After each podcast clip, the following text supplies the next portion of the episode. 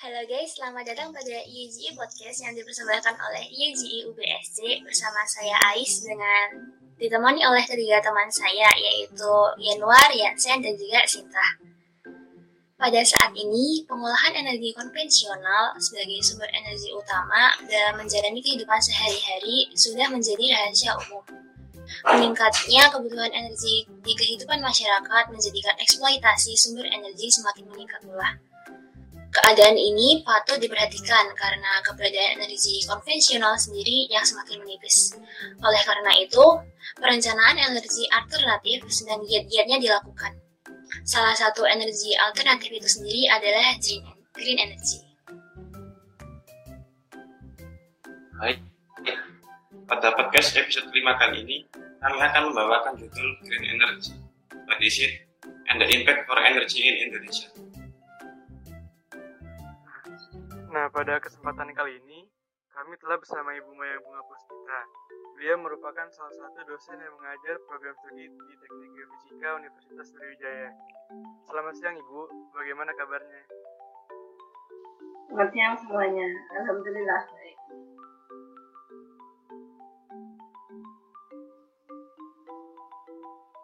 Baik, mungkin sebagai awalan Bu Mayang dapat menceritakan nih apa itu green energy dan juga maksud pengertian dari green energy itu sendiri. Oke, jadi uh, green energy sendiri ini sudah uh, sebenarnya sudah mulai hits dari um, mungkin sekitar tahun 90 tahun 2000-an ya. Jadi uh, green energy ini sebenarnya apa sih kalau di bahasa Indonesia kan green energy itu kan energi hijau gitu ya atau sebenarnya uh, lebih ke arah clean energy atau energi yang bersih. Energi yang bersih itu gimana maksudnya gitu. Jadi energi yang bersih sendiri itu merupakan energi yang dia itu tidak membuat polusi pada lingkungan ya. Makanya kita kita sebut sebagai dia itu energi yang bersih Nah, selain uh, bersih begitu tidak jadi tidak mengotori lingkungan tidak memberikan polusi itu juga bisa terbarukan jadi ini green energy ini tidak hanya bersih saja tapi juga harus terbarukan di alam gitu ya selain clean energy jadi green, energy ini sering juga disebut renewable energy ya uh, mungkin kalian sering dengarnya new and renewable energy begitu ya cuma agak berbeda antara new energi dan renewable energy ada uh, agak sedikit berbeda ya. Kalau yang green energy ini lebih ke arah renewable energy. Jadi energinya itu terbarukan. Terbarukannya harus ada uh, ada garis bawahnya bahwa terbarukannya itu dalam umur manusia.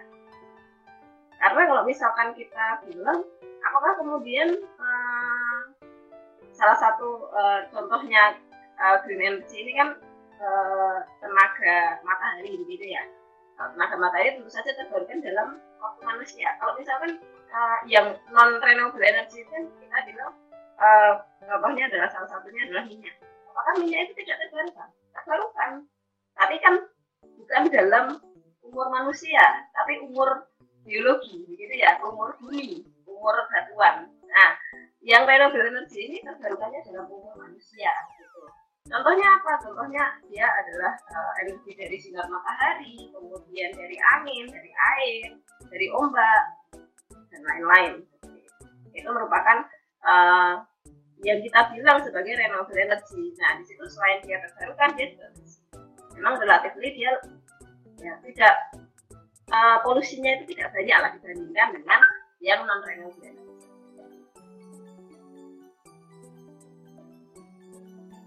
Oke, baik. Kurang lebih sekarang saya paham sih green energy itu sebenarnya apa.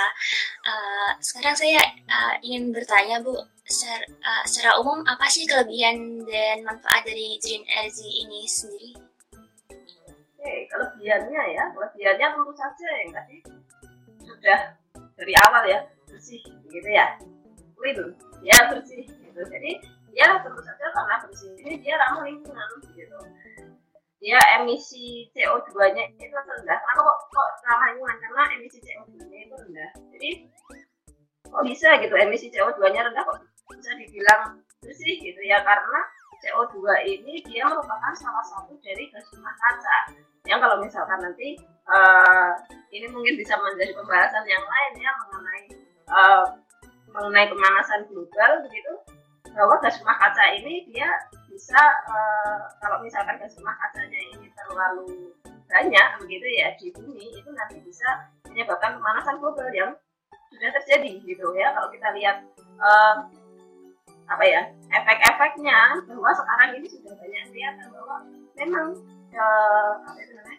uh, pemanasan global itu sudah terjadi di di bumi gitu ya. Itu kenapa? Karena gas CO2-nya itu terlalu banyak atau gas rumah kacanya di bumi ini terlalu banyak jadi sebenarnya dari awal sudah ada gas, uh, rumah kaca di bumi itu ada. Kalau nggak ada bumi nggak bisa ditinggali gitu cuma permasalahannya adalah terlalu banyak sehingga panasnya yang dari matahari itu tidak bisa kembali ke luar angkasa gitu ya karena terperangkap sama nah uh, yang memberikan banyak memberikan uh, memberikan kontribusi CO2 itu adalah salah satunya adalah dari energi yang digunakan oleh manusia di bumi gitu. Nah kalau misalkan tidak ramah nanti CO2-nya uh, emisinya besar gitu maka ya gas rumah kacanya semakin semakin tebal begitu ya. Sehingga uh, kelebihan yang paling mencolok dalam uh, green energy ini ya adalah ramah lingkungan dari emisi CO2 itu itu adalah yang paling apa ya yang paling utama begitu ya kelebihan yang paling utama. Selain itu uh, green energy ini dia menjadi energi alternatif ya. Karena kalau uh, kita lihat yang sudah saya jelaskan di awal tadi mengenai apa sih uh, green energy itu itu kan renewable energy sehingga dia uh, sumber energinya itu nggak bakal ada kelangkaannya. Karena dia kan terbarukan ya jadi ada terus gitu. Jadi nggak akan sumber energinya langka gitu nggak akan matahari akan ada terus gitu ya. Kalau di Indonesia 12 jam kalau di daerah uh, bintang utara atau bintang selatan mungkin agak sedikit berbeda tapi pasti ada matahari gitu ya. Jadi uh, itu tidak akan ada kelangkaan gitu. ya energi alternatif yang sangat uh, sangat baik gitu ya. Kemudian tentu saja pasokannya melimpah ya. Matahari itu tadi yang sudah saya sebutkan matahari paling gampangnya sih energi matahari itu ada di mana gitu ya. Kemudian air juga ada di mana-mana gitu. Jadi ya pasokannya itu melimpah sekali ya kemudian kalau di Indonesia sendiri energi utamanya di Indonesia itu masih sumber energi utamanya itu masih batu bara. Jadi uh, green energy ini bisa menjadi uh, ya tadi energi alternatif yang kemudian harusnya nanti bisa menggantikan sebagai sumber energi utama. Gitu ya kalau di, Indonesia di dunia sendiri juga uh, penggunaan batu bara itu masih sangat tinggi begitu yang sebenarnya batu bara itu nanti emisi CO2 sangat besar. Dan itu nanti uh, yang cocok lagi dengan masyarakat Indonesia gitu ya yang uh, istilahnya masih negara berkembang ya kita sebenarnya bahwa uh, green energy ini nanti bisa menjadi sumber energi yang gratis. Jadi kalau batu bara kemudian minyak itu kan harus istilahnya ditambang diambil begitu kan harus ada hmm, tidak bisa perorangan begitu ya. Nah sedangkan nanti kalau misalkan uh, memang energi green energy ini nanti sudah berkembang uh, lebih lebih luas di Indonesia itu nanti kita bisa mengambil uh, energi ini secara gratis gitu. Langsung saja uh, apa itu namanya uh, solar solar panel begitu ya di rumahnya sendiri sendiri kan. Ya jadi bisa itu menjadi uh, kelebihan utama untuk uh, masyarakat masyarakat di negara berkembang.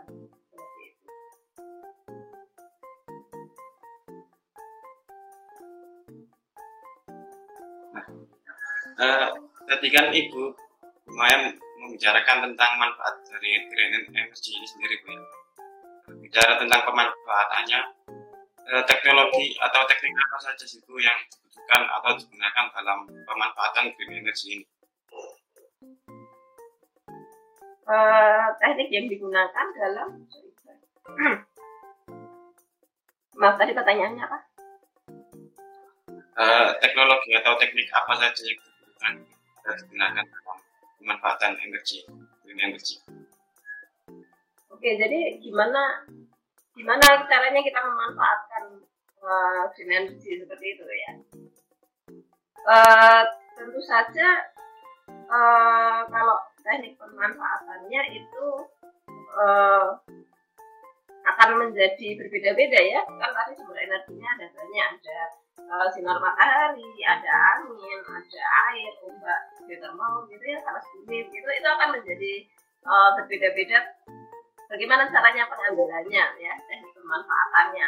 Ya kalau misalkan uh, sinar matahari begitu ya tentu saja pakai solar panel gitu ya pakai solar panel gitu ya nanti bisa uh, mengambil energi dari sinar mataharinya. Kemudian kalau air tentu saja pakai turbin gitu ya karena itu kan kalau air sudah banyak ya PLTA itu kan sudah banyak ada di mana-mana gitu ya. Tentu saja pakai turbin bagaimana nanti uh, intinya adalah menggerakkan suatu generator yang nanti bisa uh, mengubah energi sesuatu itu menjadi energi listrik.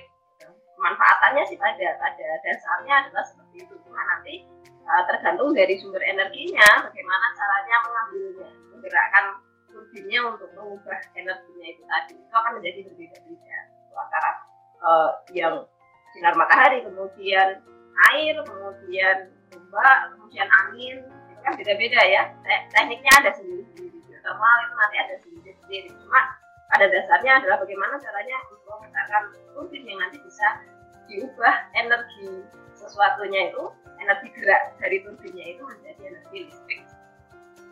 Seperti itu pemanfaatannya. Baik bu. Uh, dari sekian banyaknya potensi energi yang ada di Indonesia ini uh, yang membedakan secara dasar green energy ini dengan jenis energi lainnya itu apa saja. Yang membedakan secara kasar tentu saja masalah emisinya ya itu itu kelihatan sekali sebenarnya. Mengenai emisinya itu akan menjadi berbeda sekali bahwa uh, kalau yang green energy ini pasti jauh lebih bersih begitu dibandingkan dengan yang uh, eh, non green energy itu adalah yang paling kelihatan begitu ya uh, kalau yang lain sih hmm, pemanfaatannya agak sedikit uh, belum banyak sebenarnya ya kalau di Indonesia sendiri. Cuma kalau di luar negeri itu uh, beberapa green energy ini sudah sudah banyak uh, digunakan dan uh, ber apa ya berdampingan lah dengan uh, yang non green energy. Cuma kalau di Indonesia sendiri memang belum banyak. Cuma kalau dari kelihatannya sendiri ya itu tadi kalau green energy itu begitu ya emisi CO2 nya rendah sedangkan yang non green energy itu dia memiliki emisi yang emisi CO2 yang tinggi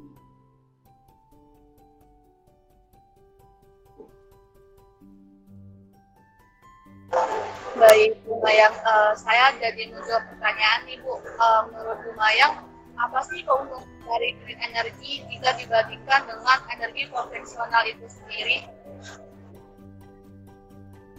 Uh, keuntungannya ya, keuntungannya ya uh, tadi itu ya. Kalau dari energi konvensional, energi konvensional itu kan non renewable ya. Sehingga sekarang itu sudah banyak uh, apa ya isu-isu bahwa minyak mau habis. Batubara belum sih. Cuma kalau minyak lah yang sudah banyak sudah banyak apa ya sudah banyak isunya gitu ya. Kalau oh, minyak mau habis minyak sebentar lagi habis gitu ya. Lagi di Indonesia begitu ya kita sudah impor minyak dari lama gitu ya kita tidak mengekspor minyak lagi. Bahwa kita perlu sekali uh, energi yang bisa sumber energi yang bisa menggantikan itu tadi minyak gitu. Salah satunya adalah green energy ini ya. Jadi kalau keuntungannya ya tentu saja dia ramah lingkungan kemudian dia nanti terbarukan gitu ya sehingga kita bisa uh, ambilnya itu bisa di mana-mana gitu. Kemudian pasokannya itu melimpah dan lain-lain gitu. Kalau keuntungannya kalau yang dibandingkan dengan energi konvensional. Oke Bu, tadi kan kita udah berbicara tentang keuntungan kelebihan dari green energy, energy itu sendiri. Nah, menurut Bu Mayang, bagaimana sih perkembangan green energy di Indonesia pada saat ini Bu? Oke, kalau mengenai perkembangan green energy di Indonesia sebenarnya nanti kalian bisa membaca dari hmm, jadi Indonesia sendiri membuat Indonesia maupun dunia itu membuat uh, laporan mengenai uh, apa ya, energi outlook begitu ya. Di dunia maupun di Indonesia itu ada. Jadi nanti kalian bisa lihat dari uh, Renewables Global Status Report ya. Itu dari yang membuat itu Ren 21 Ren 21 itu adalah dia sebenarnya organisasi uh, NGO ya. Non government organization yang ada di dunia yang dia uh, fokusnya itu terhadap green energy yang ada di seluruh dunia. Jadi itu ada ada laporannya. Bagaimana sih per tahunnya? Jadi dia laporan per tahun. Jadi dia ada dari 2005 dan ini ini open source kalian bisa download gitu ya di di uh, situsnya di websitenya Rem 21 ini. Kemudian itu yang kalau di dunia. Jadi kalian bisa melihat keadaannya di ini dalam satu tahun ini seperti apa. Bisa kalian bandingkan antara tahun itu bagaimana. Kemudian kalau di Indonesia sendiri sebenarnya uh, Dewan Energi nasional itu membuat juga laporan seperti itu yang mengenai uh, energi keseluruhan ya keseluruhan nah, jadi Indonesia Energy Outlook itu Dewan Energi Nasional itu buat laporannya per tahunnya dari tahun 2018 dan itu juga bisa kalian download secara gratis jadi itu sebenarnya sekarang itu uh, kan apa ya uh, informasi itu sangat terbuka ya. Kalian bisa bisa bisa cari sendiri bisa baca sendiri. Makin banyak kalian membaca nanti uh, apa itu namanya keingin tahuan dan pengetahuan kalian itu akan bertambah. Nah kalau untuk yang itu kan yang Indonesia tadi itu yang ini ya mengenai semua energi begitu ya kalau yang renewable-nya sendiri Indonesia juga ada laporannya itu dari ISL itu uh, Institute oh, Institute for Essential Service Reform. Jadi ini juga adalah uh, non government organization ya yang ada di Indonesia yang ini dia fokus ke arah uh, clean energy. Jadi dia membuat tiap tahunnya membuat uh, Indonesia Clean Energy Outlook ya. Ini juga kalian bisa download sendiri di websitenya iesl.org.id itu bagus sekali kalau yang memang uh, ingin berfokus ke green energy ke green energy itu uh, di sana ada berita-berita terbaru kemudian laporan-laporannya per tahun seperti itu ada ya. Kemudian kalau di Indonesia sendiri sebenarnya bagaimana sih perkembangannya gitu ya? Jadi cukup bagus sebenarnya rencana pemerintah Indonesia. Jadi itu sudah pemerintah Indonesia itu sudah membuat namanya adalah uh, atau rencana umum energi nasional ya. Itu uh, dari tahun 2013 itu pemerintah itu atau uh, ya termasuk pemerintah. ESDM ini uh, membuat bagaimana bauran energi secara nasional maksudnya bauran energi itu gimana jadi energi di Indonesia itu tidak hanya dari satu sumber saja diharapkan itu bisa dari banyak sumber. Nah kalau dilihat sebenarnya bauran energi di Indonesia paling banyak itu masih didominasi oleh minyak bumi sebenarnya ya. Jadi dari tahun 2013 itu uh, masih lebih dari 40 persen itu masih didominasi oleh sumbernya itu minyak bumi yang kemudian uh, disusul oleh batu bara dan gas bumi. Nah sedangkan energi terbarukan kalau di Indonesia energi baru dan terbarukan. Ini agak berbeda antara baru dan terbarukan. Kalau energi baru, new energy itu adalah energi yang baru, ya tidak tidak apa ya baru ditemukan begitulah ya. Sedangkan yang terbarukan itu yang renewable. Jadi dia eh, apa sumbernya akan ada terus begitu ya. Bisa eh, bisa terbarukan begitu kan agak sedikit berbeda ya antara baru dan terbarukan. Jadi kalau baru ini tidak selalu terbarukan, gitu ya. Kalian kalian harus paham ya. Tapi kalau di Indonesia ini dijadikan satu antara antara energi baru dan terbarukan ini. Jadi kalau energi baru dan terbarukan itu tidak semuanya clean, karena baru itu tidak selalu tidak selalu energi gitu ya. Nah di Indonesia sendiri ini FBT ini dijadikan satu ya. Jadi rencananya bahwa kalau di tahun 2013 itu masih sekitar empat persen ya uh, sumber energi terbarukannya. Ini di tahun 2025 itu diharapkan sudah uh, menjadi apa ya? Menjadi sekitar sekitar 10 persen gitu ya. Sedangkan untuk uh, nanti jadi RUEN ini adalah uh, rencana umum energi nasional yang dia jangka panjang begitu. Rencananya jadi tentu saja namanya pemerintah itu sudah membuat sudah membuat perencanaan yang jangka pendek maupun jangka panjang. Nah ini adalah jangka panjang. Jadi dia dari di, dibuat tahun 2013 yang targetnya itu sampai tahun 2050 jadi di tahun 2015 itu masih 5 persen gitu ya untuk untuk uh, sumber energi EBP-nya, sedangkan target di tahun 2025 itu sudah 23 persen. Jadi diharapkan nanti uh, apa ya sumber sumber energi uh, minyak buminya itu sudah berkurang. Sayangnya malah kalau di di bauran energi ini di targetnya ini yang batu baranya ditambah sebenarnya targetnya.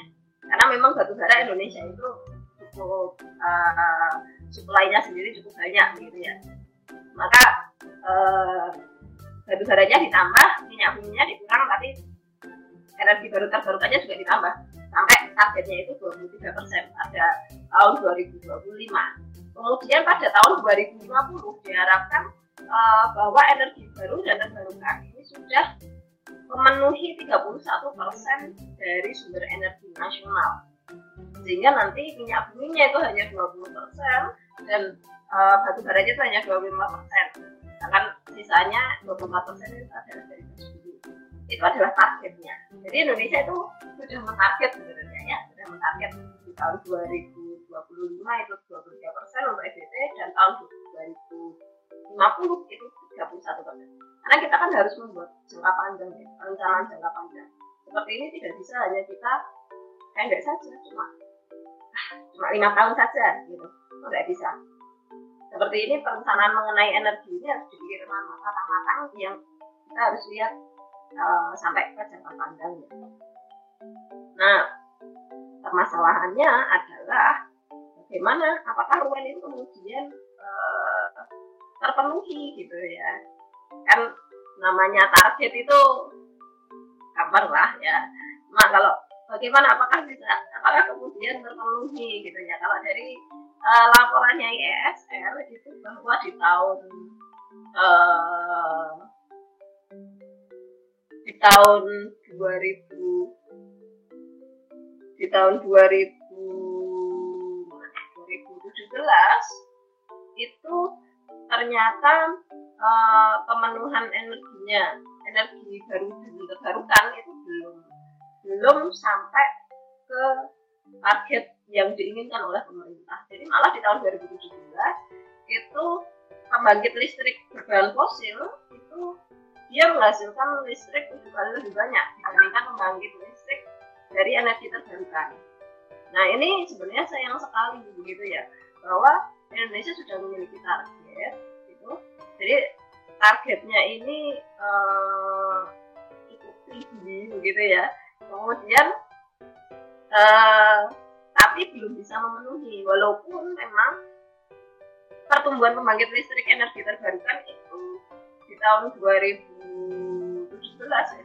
Ini di tahun 2000 ya 2017 itu dia mencapai 4,5 persen sebenarnya. Jadi dia bertambah banyak cuma sayangnya masih terbilang lambat kalau kita bandingkan dengan target yang pengen kita capai nih target yang pengen dicapai oleh Indonesia tinggi sedangkan pertumbuhannya itu cukup lambat. Apalagi kalau kemudian kita bandingkan dengan beberapa uh, negara di Asia Tenggara. Ya. Kalau dilihat bahwa sampai tahun 2017 itu pembangkit energi terbarukan itu dominasinya sama air dan panas bumi.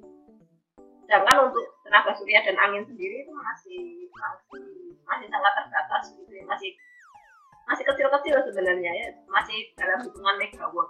Padahal uh, potensinya Indonesia itu besar sekali sampai 260 200 sampai dan 60 tan gigawatt. Itu potensinya masih besar sekali sedangkan yang sudah dimanfaatkan itu masih kecil sekali. Karena hanya beberapa megawatt saja beberapa puluh megawatt saja. Jadi uh, ini ini adalah uh, pil pahit ya bahwa betul uh, pertumbuhan betul bahwa Indonesia sudah memiliki uh, sudah memiliki perencanaan ya. masalahnya adalah pada eksekusinya itu tidak tidak kemudian berjalan sesuai dengan rencananya ya. jadi masih hmm, kurang cepat lah untuk pertumbuhannya walaupun walaupun sudah jauh lebih banyak ya untuk saat ini dibandingkan dengan mungkin tahun 2012 eh, tahun 2013 gitu ya. Itu sudah meningkat mengenai uh, memanfaatkan pemanfaatan energi terbarukan ini. Cuma belum memenuhi target seperti itu. Gitu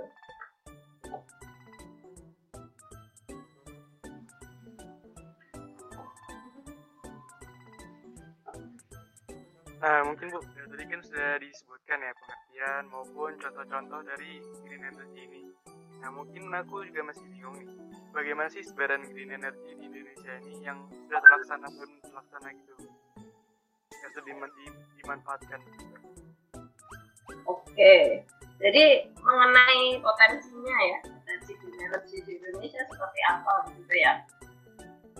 Jadi Indonesia itu sebenarnya untuk energi terbarukan. Jadi cadangan energi untuk uh, energi green energy ini nggak kurang dari uh, ribu megawatt potensinya. Jadi sebenarnya Indonesia itu punya peluang yang sangat besar untuk dia menjadi uh, garis terdepan berada di garis terdepan di Asia untuk bidang energi terbarukan. Jadi untuk energi surya sendiri ya, energi matahari dari uh, energi dari matahari sendiri dia potensinya itu sampai 207 sekitar 200 ribu megawatt ya. Sayangnya realisasinya baru 0,04 persennya kecil sekali untuk, untuk energi surya ini sedangkan untuk air ya untuk uh, yang energi terbarukan yang uh, sumbernya dari air itu potensinya itu uh, sekitar 75 ribu megawatt. Dan realisasinya sudah lumayan ya. Untuk pemanfaatannya sudah digunakan sampai 4 sekitar 4 ribu megawatt. Itu sudah 6,7 persen ya. Untuk panas bumi itu Indonesia juga terdepan ya ini sudah cukup uh, memiliki prestasi yang cukup baik untuk panas bumi karena kita punya potensi yang sangat besar yaitu 9.000 uh, megawatt. Dan realisasinya untuk saat ini itu sudah sampai sekitar kalau nggak sih 800 2000 megawatt. Yang sudah hmm, apa ya sudah jadi nomor dua di dunia untuk panas bumi ini. Jadi memang uh, panas bumi ini kita cukup uh, cukup maju ya cukup terdepan Sedangkan untuk energi angin kita juga punya potensi yang besar 60 ribu megawatt, tapi realisasinya masih kecil sekali seperti energi lagi masih 0,01 persen atau sekitar 3 megawattan ya. Masih kecil sekali. Sedangkan untuk uh, nanti air itu ada air kemudian ada hidro atau mikro hidro gitu ya. Itu juga cukup besar potensinya sampai 19 ribu. Pemanfaatannya sudah lumayan yang air ini sebenarnya pemanfaatannya sudah lumayan. Sudah lumayan. Sedangkan ada juga kita punya banyak itu adalah bioenergi ya bioenergi. Ini adalah bioenergi ini dia dari uh, sesuatu yang bisa di diolah lagi begitu ya. Ini sekitar 32.000 megawatt ya realisasinya sudah cukup besar sampai 1.600 megawatt. Sedangkan untuk energi laut itu Indonesia ini juga uh, potensinya besar karena kita kan negara kelautan gitu ya. Potensinya sampai 17.000 atau 18.000 megawatt sedangkan realisasinya belum terlalu karena memang uh, untuk teknologinya sendiri masih hmm, belum belum banyak bisa digunakan. Itu untuk uh, sebaran mengenai uh, potensi energy di Indonesia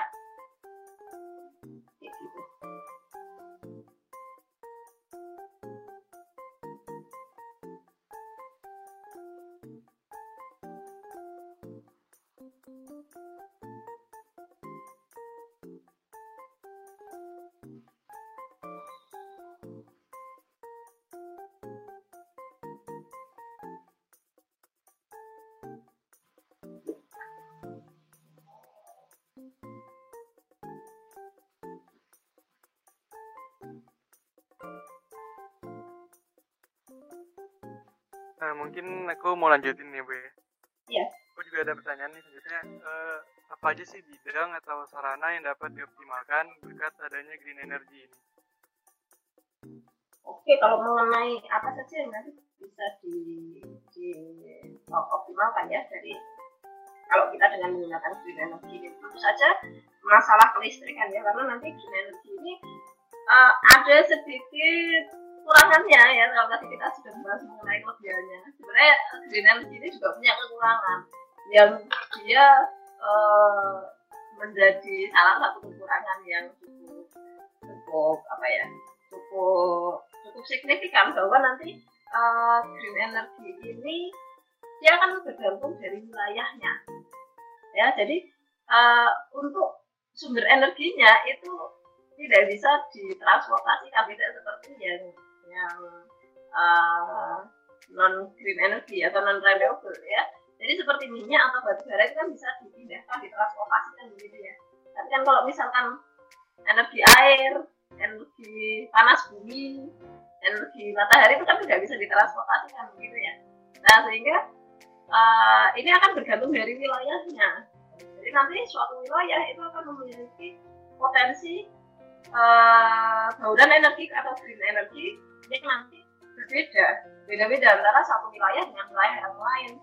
Nah karena nanti green energy ini nanti langsung di di uh, diubah menjadi listrik ya. Sehingga nanti sebenarnya bisa uh, sangat membantu untuk daerah-daerah di Indonesia yang uh, ketinggalan untuk kelistrikannya. Ya kalau Jawa kalau teman-teman semuanya dari Jawa ya itu semua hampir semua tempat kecuali nanti di pelosok-pelosok gitu itu sudah memiliki listrik ya, jaringan listrik itu sudah bagus. Walaupun masih sering mati lampu gitu ya masih sering uh, gitu mati lampu tapi listrik itu selalu ada 24 jam. Tapi untuk daerah-daerah lain yang yang uh, listrikannya belum uh, jaringan listriknya belum belum baik itu akan menjadi uh, green energy ini bisa menjadi solusi sebenarnya ya. Bisa dimanfaatkan kalau bisa dimanfaatkan dengan baik itu akan bisa menjadi solusi untuk jaringan kelistrikan itu. Karena tidak bisa dipungkiri ya bahwa Indonesia ini kan kita adalah negara kepulauan. Kita adalah negara kepulauan sehingga yang pulaunya di Indonesia itu ada banyak sekali. Ada berapa puluh ribu. Apakah semua pulaunya itu kemudian kosong? Kan enggak. Kan ada juga pulau-pulau kecil yang kemudian masih ada ada orangnya gitu ya. Ada mereka pasti butuh listrik begitu yang kalau itu nanti dibang, uh, dibangunkan instalasi untuk uh, jaringan listriknya yang dari non itu agak mahal lah pasti ya. Mahal pastinya nah itu bisa menjadi solusi si green energy ini bisa menjadi solusi bagaimana nanti kalau misalkan listrik ini uh, sumber energinya itu dari alamnya dari alam di sekitarnya dari mataharinya dari airnya dari uh, ombaknya dan lain-lain. Ya ini akan menjadi uh, bisa menjadi solusi kalau misalkan kita bisa memanfaatkannya karena kalau green energy ini sudah pasti langsung dijadikan listrik. Ini ya mengenai kelistrikan ini jaringan listrik ini belum. Karena tidak usah jauh-jauh lah. Uh, Indonesia itu kan pulau besarnya itu ada lima ya. kalau kita lihat ada lima ya Jawa Sumatera Kalimantan Sulawesi Papua. Yang di terakhir ini di Papua yang paling jauh dari Jawa Jawa yang merupakan pusat uh, pusat uh, pemerintahan pusat uh, pusat apa pun lah ya di Indonesia itu kan di Jawa. Sehingga jaringan apa pun itu di, itu di Jawa sudah baik. Tapi di luar Jawa itu belum tentu. Apalagi di Papua gitu ya. Di Papua bahkan ada uh, bahkan ada program uh, untuk menambah jaringan listrik di Papua itu. Ya, Papua perang itu ada. Teman saya pernah ikut mengenai Papua perang bahwa itu di Papua itu nanti tidak kemudian listrik itu 24 jam. Bahkan di kota-kota besarnya pun mungkin seperti itu. Sehingga uh, ya kenapa seperti itu? Karena memang daerahnya adalah paling jauh dari pusat uh, pusat pemerintahan. Ya. Sehingga memang sulit untuk untuk di apa ya uh, paling ya paling jauh itu membutuhkan waktu membutuhkan biaya yang paling besar sehingga kalau misalkan bisa memanfaatkan energi dari alamnya langsung sana itu nanti akan menjadi solusi yang. Oke Bu, saya izin bertanya, uh, menurut Bu Mayang, bagaimana sih dampak uh, green energy ini di Indonesia Bu? Oke, untuk dampak dari green energy ya di Indonesia ya. Uh, tentu saja sih kalau mengenai dampak itu nanti uh, lingkungannya tentu saja ya. Lingkungannya bahwa kalau green energy ini nanti uh, dia kan ramah lingkungan gitu ya sehingga lingkungannya menjadi jauh lebih lebih bersih dan lebih baik gitu. Dan uh, ini sebenarnya sudah menjadi mengenai isu mengenai lingkungan ini sudah menjadi isu dunia saja tidak hanya Indonesia tapi dunia jadi uh, dari selama dalam beberapa tahun sekali begitu negara-negara di dunia itu berkumpul untuk membicarakan mengenai isu lingkungan ini ya. Uh, yang paling baru itu kalau nggak salah uh, membuat kesepakatan Paris di tahun 2015 bahwa uh, mendukung uh, perkembangan dari green energy yang tentu saja ya ramah lingkungan sehingga uh, bisa mengurangi emisi CO2 di seluruh dunia. Nah, uh, itu yang paling paling di paling dilihat gitu ya. Sedangkan kalau misalkan uh, itu adalah dari segi lingkungannya.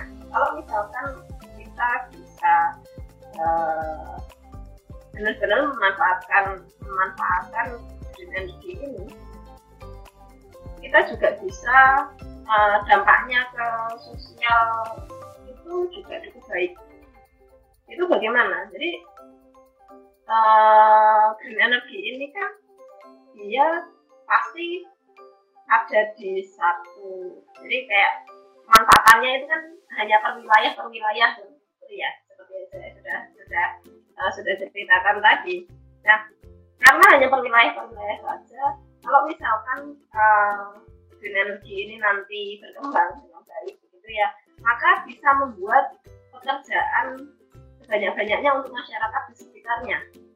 Ya, jadi misalkan membuka PLTA atau membuka PLTS begitu ya, itu bisa memanfaatkan dari uh, masyarakat di sekitarnya saja. Jadi membuka lapangan pekerjaan itu menjadi uh, sosial project yang sangat fokus ya kalau misalkan bisa uh, seperti itu karena ya uh, yang butuh pekerjaan itu kan tidak hanya masyarakat saja dari kota saja tapi juga di berbagai tempat begitu ya itu kan menjadi baik sekali bahwa nanti uh, pekerjaan lapangan pekerjaan itu otomatis juga kalau misalkan kita uh, membuat uh, membuat suatu uh, listrik gitu ya memanfaatkan memanfaatkan energi uh, terbarukan tersebut. Nah tentu saja kalau misalkan nanti masyarakat di sekitarnya sudah memperoleh pekerjaan ya ada pekerjaan yang saja akan meningkatkan kesejahteraannya kan arahnya sama sebenarnya ingin meningkatkan kesejahteraan masyarakat di sekitarnya. Nah itu adalah uh, sosial project yang satu kalau misalkan kita memanfaatkan uh, energi terbarukan di Indonesia. Ya. Jadi uh, ini mungkin sudah ada di beberapa tempat sudah ada, mungkin di tempat lain belum ada begitu ya. Tapi uh, menurut saya ini sudah sudah sudah ada di beberapa tempat. Kemudian kalau misalkan uh, nanti energy ini banyak di, uh, dilihat begitu ya, sudah banyak yang bekerja di, di green energy ini nanti tentu saja masyarakat itu akan tahu dan uh, sehingga menjadi lebih peduli lingkungan. Jadi nanti tidak hanya mengenai kesejahteraan saja, tapi juga mengenai uh, edukasinya. Karena ini adalah salah satu tantangannya di Indonesia. Edukasi ke masyarakatnya masih sangat besar mengenai ini. Ya, belum masyarakat Indonesia belum banyak yang tahu apa sebenarnya apa sebenarnya. Nah kalau sudah ada yang bekerja di situ kemudian uh, kesejahteraannya meningkat tentu saja nanti akan teredukasi secara otomatis sehingga apa sehingga nanti masyarakatnya akan menjadi peduli oh iya kok yang green energy ini jauh lebih bersih dibandingkan yang non green energy seperti itu. Ya. dan tentu saja ini kan covid ya. Covid itu covid itu ya ini berdampak ke semua ke semua lini ya di Indonesia maupun di dunia itu berdampak ke segala sektor. Nah, mau sektor energi mau sektor uh, ekonomi itu terkena di dunia maupun di Indonesia. Nah di Indonesia sendiri kalau kita menggunakan energi ini, ini menjadi hmm, energi alternatif yang tentu saja sangat bagus untuk bagaimana kita bisa mengembalikan uh, mengembalikan kesejahteraan atau mengembalikan hmm, apa ya perkembangan untuk sektor energi maupun ekonomi di Indonesia. Yang sempat kolaps akibat COVID. Ya, karena kalau misalkan nanti kita menggunakan uh, green energy, kita me meningkatkan perkembangan green energy, maka kita bisa sangat mengurangi yang non yang non renewable ya. Yang kalau kita ngomongin minyak itu minyak itu kita sudah impor banyak sehingga impornya itu bisa dikurangi yang tentu saja itu nanti bisa uh, berarah ke uh, pertumbuhan ekonomi. Itu ya. Jadi itu uh, karena covid ini itu uh, kalau kita menggunakan green energy ini ini bisa mengembalikan uh, perkembangan di sektor ekonomi maupun di sektor energi.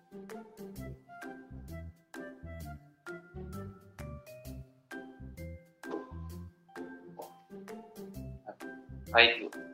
Nah, tadi kan kita di pertengahan perjalanan sudah membahas tentang uh, perspektif energi sendiri. Tapi di sini saya masih penasaran uh, mengenai target atau terobosan baru gitu, green energy pada bidang lain di Indonesia pada masa mendatang.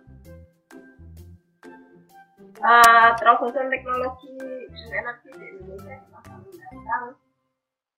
Uh, jadi itu kalau uh, teknologi itu kan sudah semakin berkembang ya.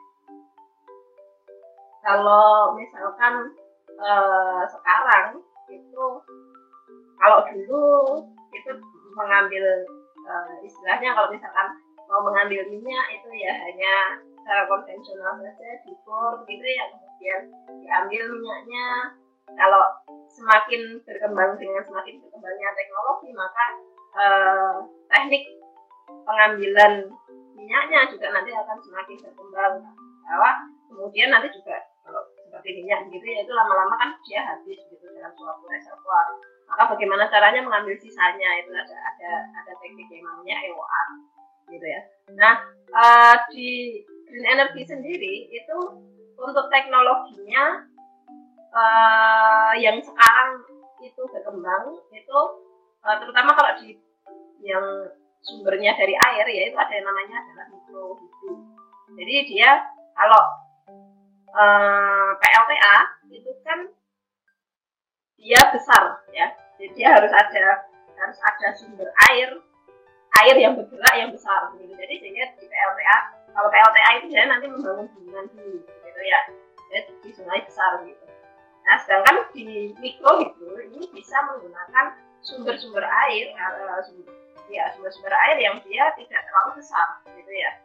Jadi nanti dia debitnya hanya berapa gitu itu nanti bisa dimanfaatkan dengan uh, menggunakan teknologi mikrohidro ini. Jadi dia PLTMH pembangkit listrik tenaga mikrohidro itu itu uh, di, yang paling baru dan itu sudah digunakan kayaknya masih dalam masih dalam uh, di beberapa tempat sudah ada ya. Cuma di kalau di aku di dekat UB sendiri ya di, di Malang itu ada di daerah saya lupa namanya ya.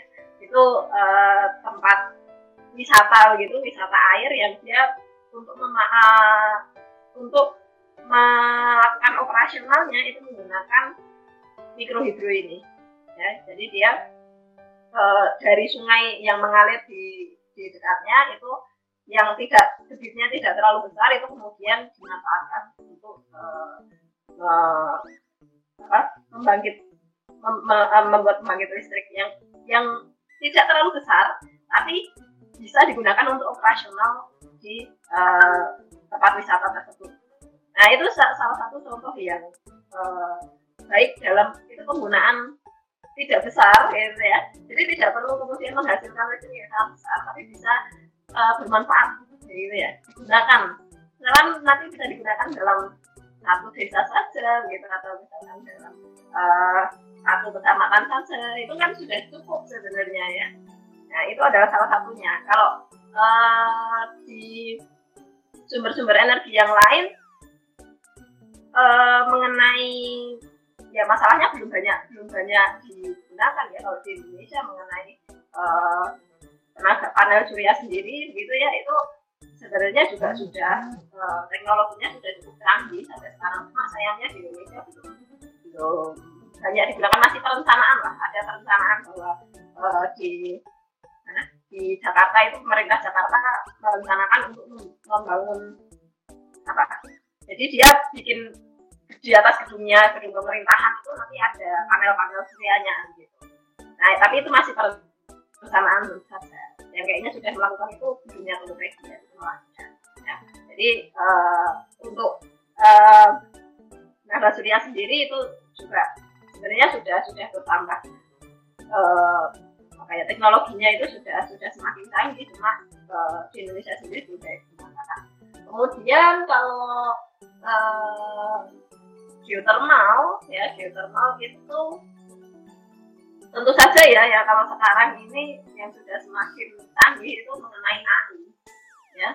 Mengenai AI uh, artificial intelligence ya yang sekarang uh, apa ya paling paling top lah untuk uh, dalam nanti mengenai pengolahan kemudian uh, pengambilan perhitungan perhitungan cadangan dan lain-lain. Itu nanti uh, AI ini menjadi sangat sangat apa ya dia sangat uh, sangat membantu ya. Itu. Jadi kalau di Indonesia sendiri nah penggunaannya masih yang paling baru mungkin yang uh, eh, itu sih saya.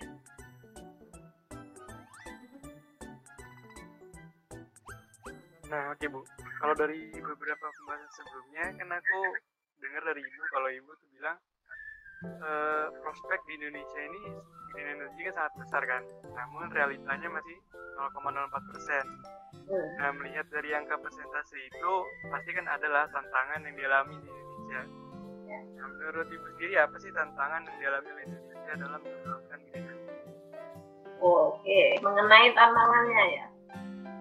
Jadi eh, permasalahan kalau tidak hanya green energy saja ya, sebenarnya permasalahan energi Indonesia itu ada cukup, banyak begitu ya. Cuma kalau kita ngomongin mengenai green energy ada beberapa eh, ada beberapa eh, ada tantangannya itu ada dari dari dua sisi. Jadi ada dari pemerintah maupun dari masyarakat ya dari pemerintahnya sendiri eh,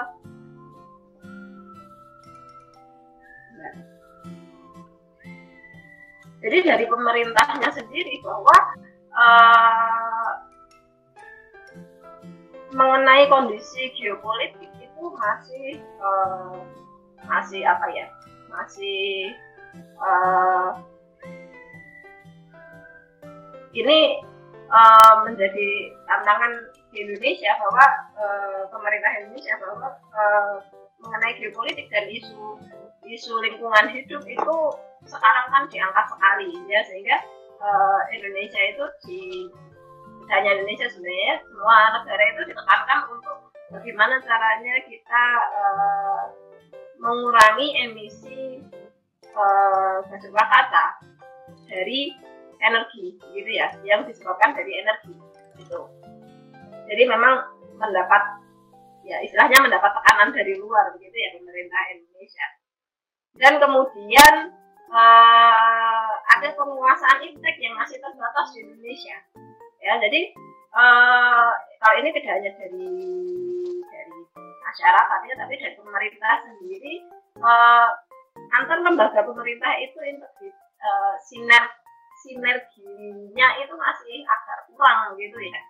Sehingga eh, untuk mau investasi dalam negeri itu eh, kerjasamanya itu masih lemah gitu di Indonesia ini antar antar lembaga itu kan kelihatan ya dan antar lembaga itu masih masih kurang begitu sehingga nanti masalah energi eh, sudah didukung oke oleh lingkungan hidup tapi belum didukung oleh ya yang dari ekonominya seperti itu tuh masih masih eh, sinerginya masih masih kurang gitu. Nah, kemudian tentu saja pemanfaatan EBT-nya sendiri masih sangat rendah. Itu yang cukup menjadi masalah ya. Jadi prioritas pemerintah sendiri masih belum eh, untuk EBT itu belum terlalu besar prioritasnya. Nah, eh, kemudian mengenai akses dan infrastrukturnya, ya.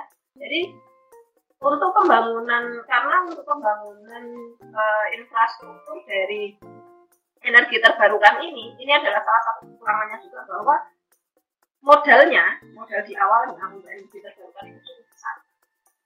Kalau di energi konvensional itu dia kan sudah ada, ya sudah terbangun begitu. Sedangkan di eh, energi yang terbarukan ini dia hmm, karena masih langka di Indonesia modalnya itu cukup besar yang itu menjadi kita butuh investor banyak. Sangat ya ya tadi lah Inve- investasinya agak eh, ke arah sananya itu agak kurang begitu ya.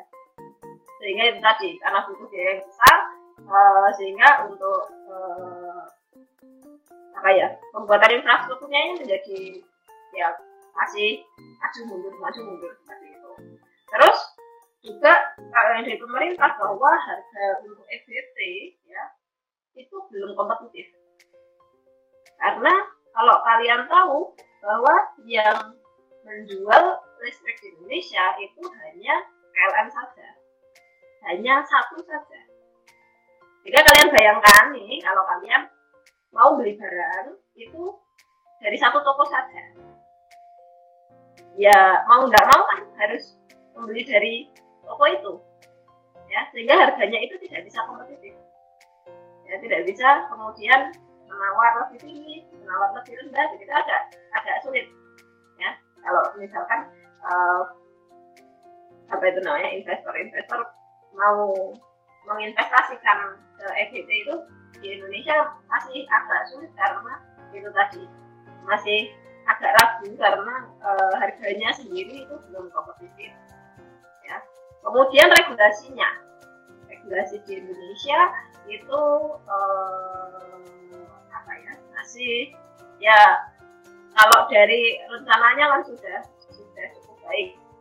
Cuma untuk e, regulasinya sendiri itu e, masih apa ya masih ada beberapa yang kemudian harus di, diperbaiki dan uh, dipercepat prosesnya. Biasanya birokrasinya itu panjang sekali ya yang saya uh, pernah membaca itu kan mengenai yang mengenai geothermal itu panjang sekali dari dari suatu investor itu mau membuat uh, mau membuat apa ya uh, pembangkit listrik. Begitu itu panjang sekali jalannya ya.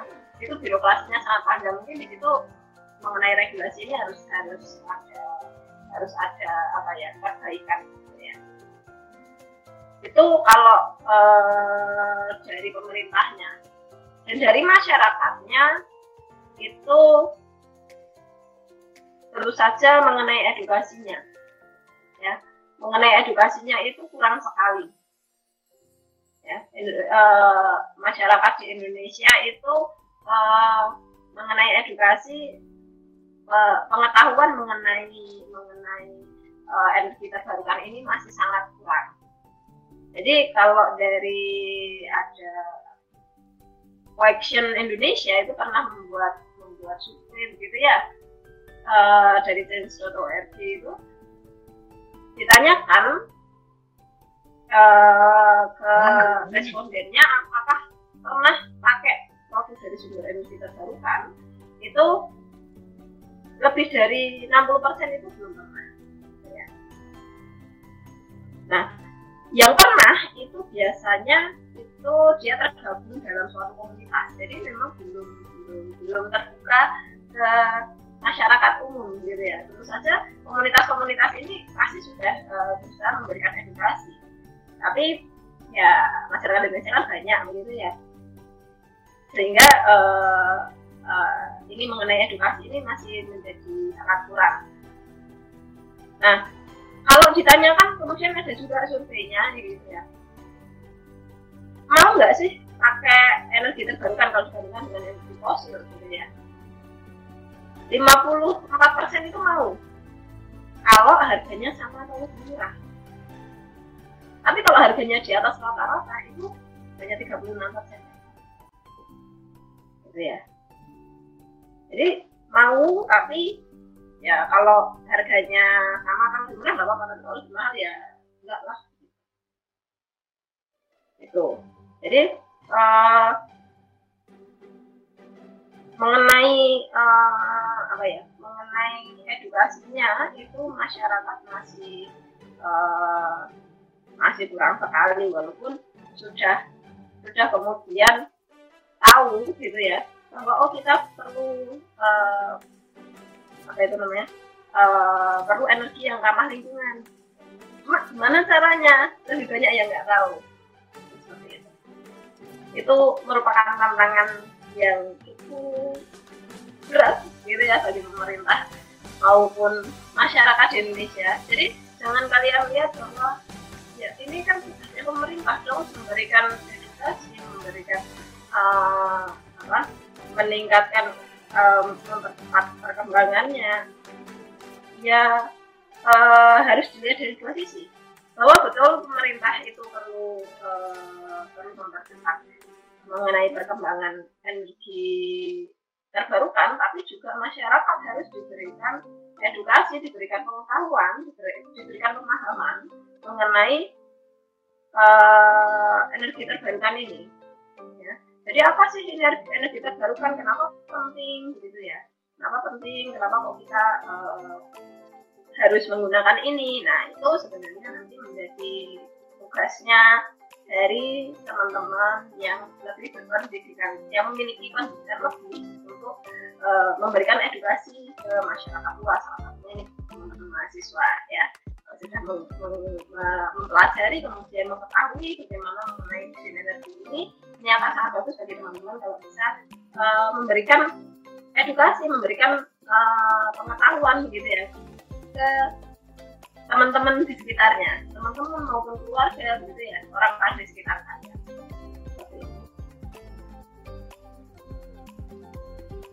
nah mungkin ini pertanyaan terakhir ya dari kita ya kalau menurut Ibu Mai sendiri bagaimana sih cara atau strategi dalam mempertahankan atau menjaga green energy di, Indonesia ini agar nantinya bisa dimanfaatkan dengan baik uh, bagaimana agar uh, energi di Indonesia bisa dimanfaatkan dengan baik. Tentu saja yang pertama harus didukung oleh harus. Ya. Jadi pemerintah sendiri tidak bisa bergerak sendiri, jadi harus didukung oleh pemerintah daerah. Ya tidak cuma pemerintah pusat, karena harus didukung oleh pemerintah daerah karena nanti yang menjalankan itu adalah pemerintah daerah pemerintah daerah karena kan kita sudah sudah bahas tadi yang mengenai bahwa energi ini ada di suatu wilayah-wilayah. Jadi wilayah satu dengan yang lain akan berbeda. Sehingga nanti itu menjadi uh, uh, apa ya uh, uh, peran dari pemerintah daerah ini menjadi sangat penting ya, untuk mendukung uh, penggunaan green energy. Kemudian menurut saya ya uh, risetnya sendiri itu perlu didorong ya untuk uh, riset dari green energy ini karena hmm, sekarang ini uh, kan sudah pemerintah ini sudah bagus sekali bahwa mendorong uh, riset uh, riset. Ya penelitian-penelitian di Indonesia itu sudah sudah didorong sekali begitu ya. Dari uh, sisi peneliti maupun sisi uh, akademisi begitu. Nah uh, akan lebih baik akan lebih bagus kalau misalkan uh, dalam hal uh, green energy ini diprioritaskan gitu sehingga kita bisa uh, memiliki banyak nanti uh, riset ini juga harus menggandeng masyarakat. Ya sehingga nanti tidak hanya di atas kertas saja atau uh, teori saja tapi juga harus prakteknya gitu ya. Tapi kembali lagi bahwa nanti masyarakat itu juga harus mendapat dari uh, dukungan dari pemerintah gitu ya. Itu tadi yang uh, dan masyarakat juga harus mendapat ya bagaimana caranya agar masyarakat itu uh, bisa menerima penggunaan green energy? Ya itu uh, harus ya itu tadi ya edukasinya harus ditambah dan uh, mengenai penerimaan masyarakat itu harus ada dulu. Gitu ya. Seperti itu Oke, tidak terasa kita telah sampai pada penghujung podcast kali ini ya. Ternyata green energy ini begitu menarik untuk dikaji ulang karena memiliki prospek yang begitu besar ke depannya. Baik, kalian berterima kasih kepada Bu Mayang karena sudah menyempatkan waktunya untuk berbagi ilmu mengenai energi daur ulang atau energi green energy ini. Semoga diskusi kita kali ini dapat bermanfaat bagi para pendengar maupun penonton. Akhir kata, saya ingin menyampaikan bahwa kita harus mulai akan keadaan sekitar kita dan juga mencoba serta eksplorasi hal baru. Dan jangan lupa juga untuk saling menyebarkan informasi yang kita dapatkan agar tidak hanya kita sendiri yang tahu tapi juga orang sekitar kita. Oke, tetap stay tune pada IEGI Podcast selanjutnya. Jangan lupa subscribe channel kami IEGI UBSC dan juga mengikuti Spotify IEGI UBSC agar mengetahui update podcast yang akan datang. Terima kasih guys. Kami pamit undur diri. Sampai jumpa di layan waktu dan selamat beraktivitas kembali.